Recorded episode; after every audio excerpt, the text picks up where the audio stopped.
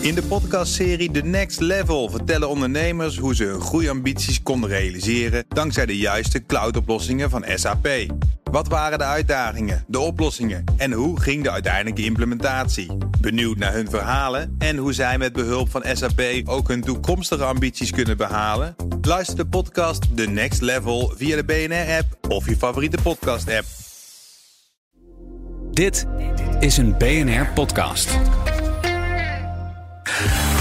Update. Het is acht minuten voor acht en we gaan naar Stijn Goosen. Stijn, goedemorgen. Goedemorgen Bas en Iwan. Ja, een, uh, Amerika, een, een, Apple Watch kan je niet meer kopen in Amerika. Het Amerikaans verkoopverbod is van start.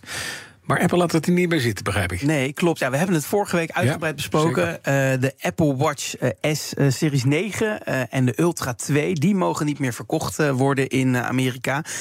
vooral vanwege de patentschending. Hè. Massimo, een medisch bedrijf, hebben het aangeklaagd. Want de bloedsaturatiemeter op die Apple Watches... Ja, die zou van hen komen. Ja. Tenminste, dat is hun patent. Ja, en Apple die was vorige week de boel even aan het upspicen. En die stopte op 21 december al met de online verkoop... en per kerstavond avond al met de verkoop in hun winkels. Maar stiekem hoopte het bedrijf nog dat Biden, de president, nog met een veto zou komen. die dan die verkoopstop weer kon stoppen. Ja, dus de president kan daar gewoon zeggen: er is een, cop, of een copyright of, een, of een, inderdaad een patent infringement. Ja. En jammer dan. Ja, maar dat gebeurt niet zo heel vaak. Dat is wel bij de iPhone 4 nog een keer gebeurd ja. met Obama. Maar uh, deed dit jaar ook met de Apple Watch al niet. Nou, deed Biden dus niet. En uh, ja, nu komt Apple uh, zelf met een uh, een, een, ja, een juridische aanklacht om die verkoopstop toch weer tegen te gaan.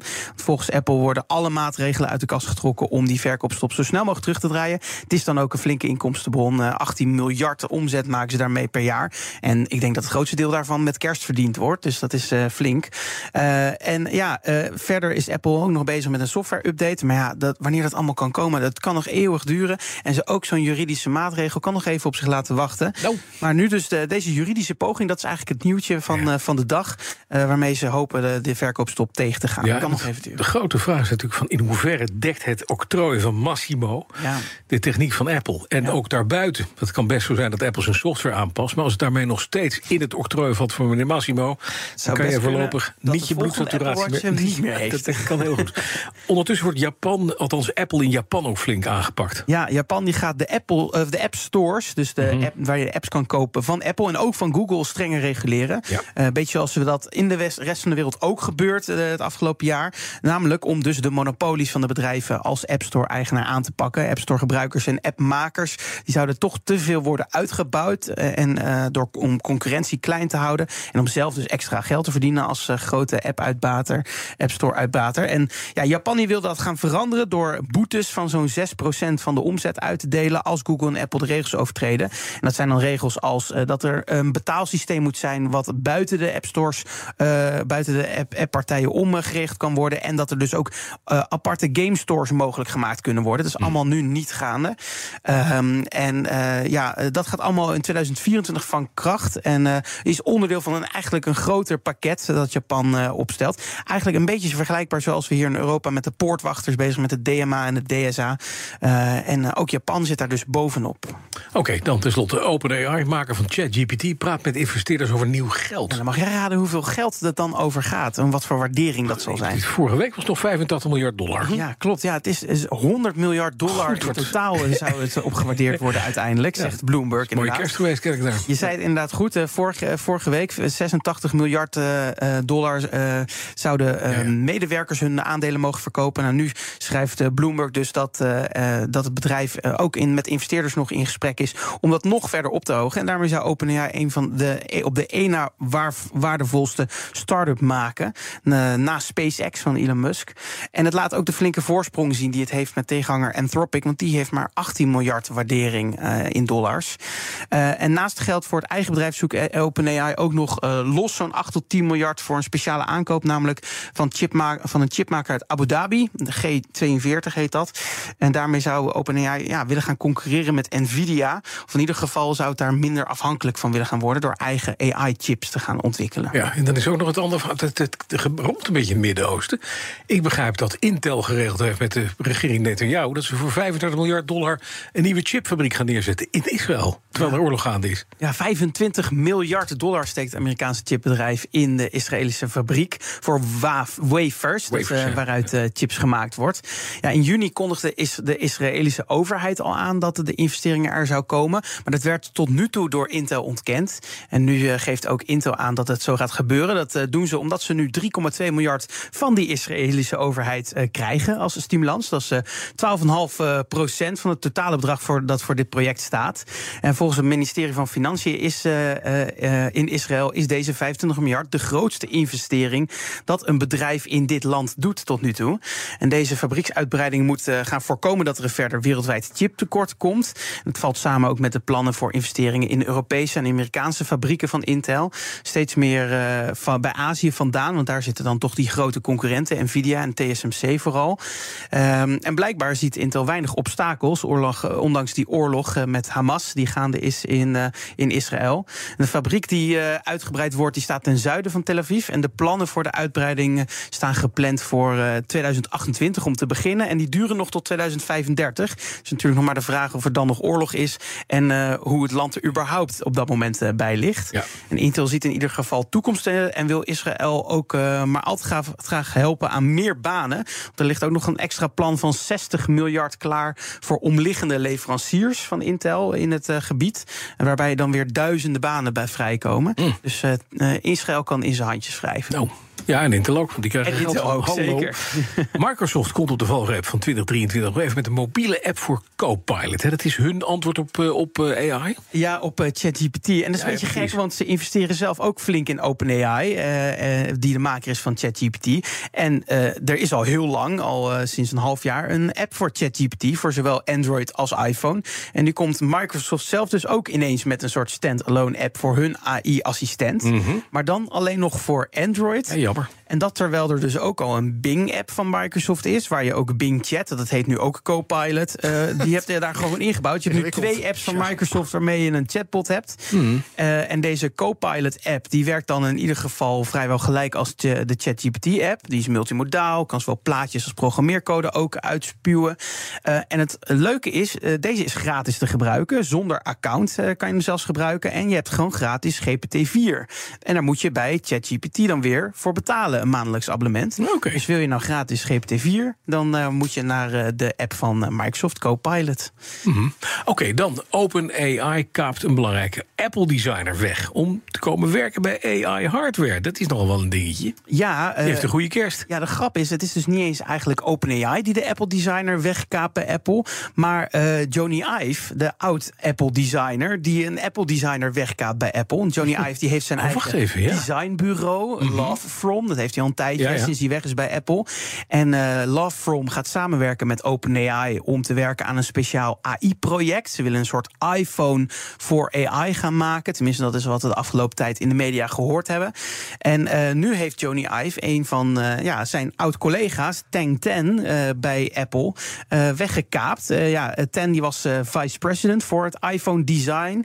En die gaat dus nu bij Ives ontwerpbureau aan de slag. En wat hij daar dus gaat doen, hij wordt de, ja, de baas op het gebied van hardware engineering. Speciaal voor dat AI-project. Maar waar, waar, moeten we dan aan denken? Hardware voor ja, het Het is super vaag. Er, er, is eigenlijk heel weinig over bekend. Het ja? enige weten we dat Sam Altman en Johnny Ive hierover een samenwerking zijn aangegaan. Uh -huh, uh -huh. En dat ze iets willen maken waarmee je ja, natuurlijker of vloeiender met AI moet kunnen gaan interacteren. Uh Mhm. -huh. Maar wat het dan wordt, is nog maar de vraag. Het zou iets kunnen zijn wat je dan in je huis, misschien een soort, slimme ding. assistent Precies, in je huis, een soort HomePod, hè, zoals je ja, dat nu hebt.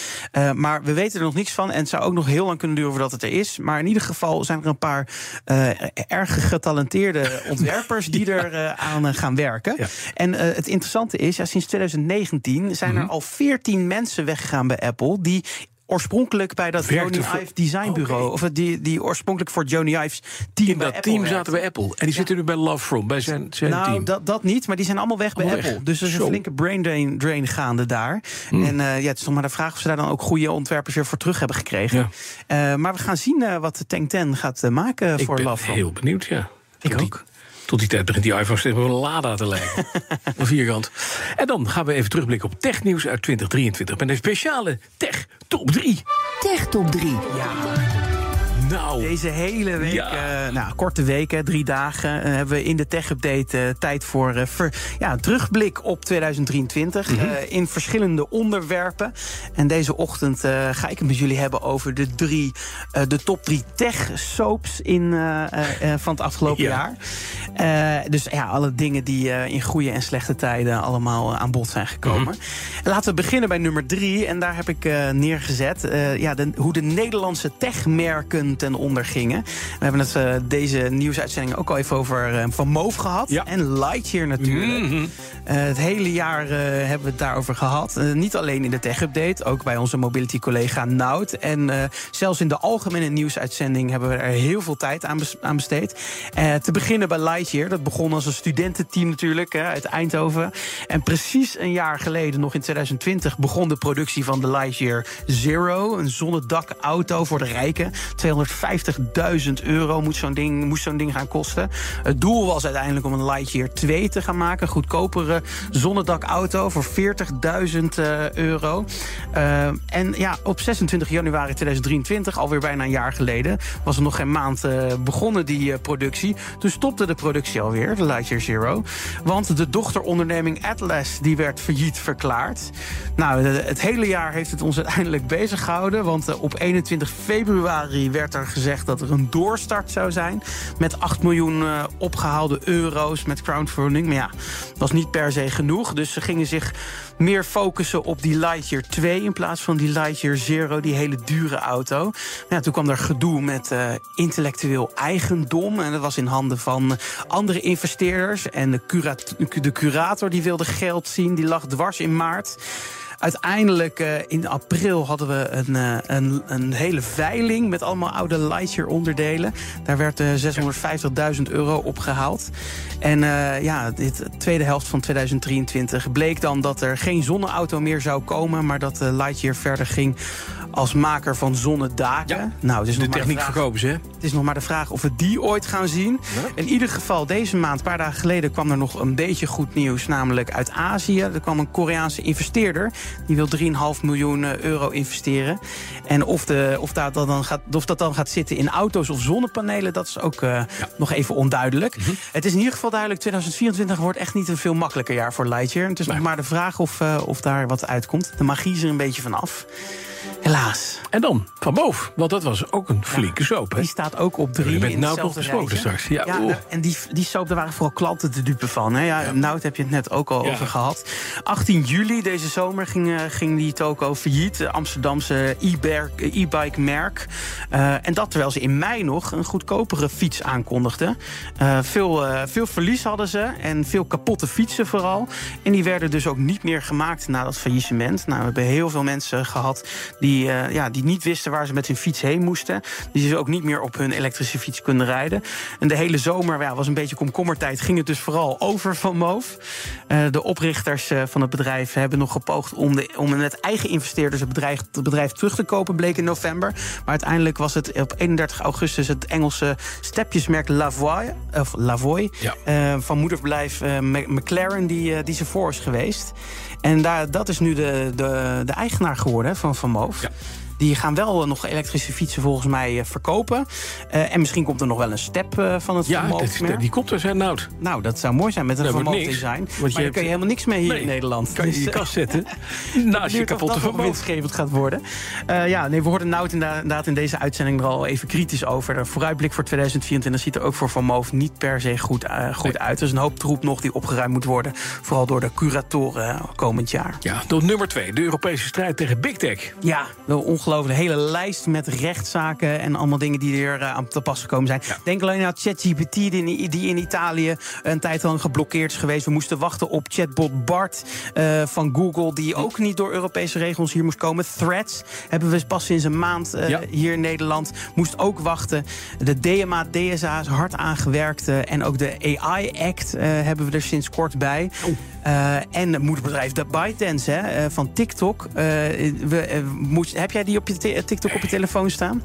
Nee, ja, er zijn een heleboel. Nee, inderdaad. Er zijn een heleboel ambtenaren die dat nu van hun telefoon hebben moeten halen. Europa heeft flink in de big tech lopen roeren in 2023. En het is duidelijk dat dat, dat in 2024 ook nog niet ophoudt. Precies. Dan op één Elon Musk, ja. de man die van Twitter X maakte. De en... tech-soapklapper, oh. hoofdpersoon. In, 2000, of in 2023, 24 juli, werd, ja. X, werd Twitter X. Er kwam nog een heel gedoe met logo's. En uh, de prijs die je voor X Premium moest gaan betalen. Mm -hmm. kwam een nieuwe CEO, CEO Linda Jaccarino. En Europa heeft uh, X nog op de vingers geticht vanwege de moderatie. En uh, ja, ook daar is AI nu aan bod gekomen met een AI-assistent Grok.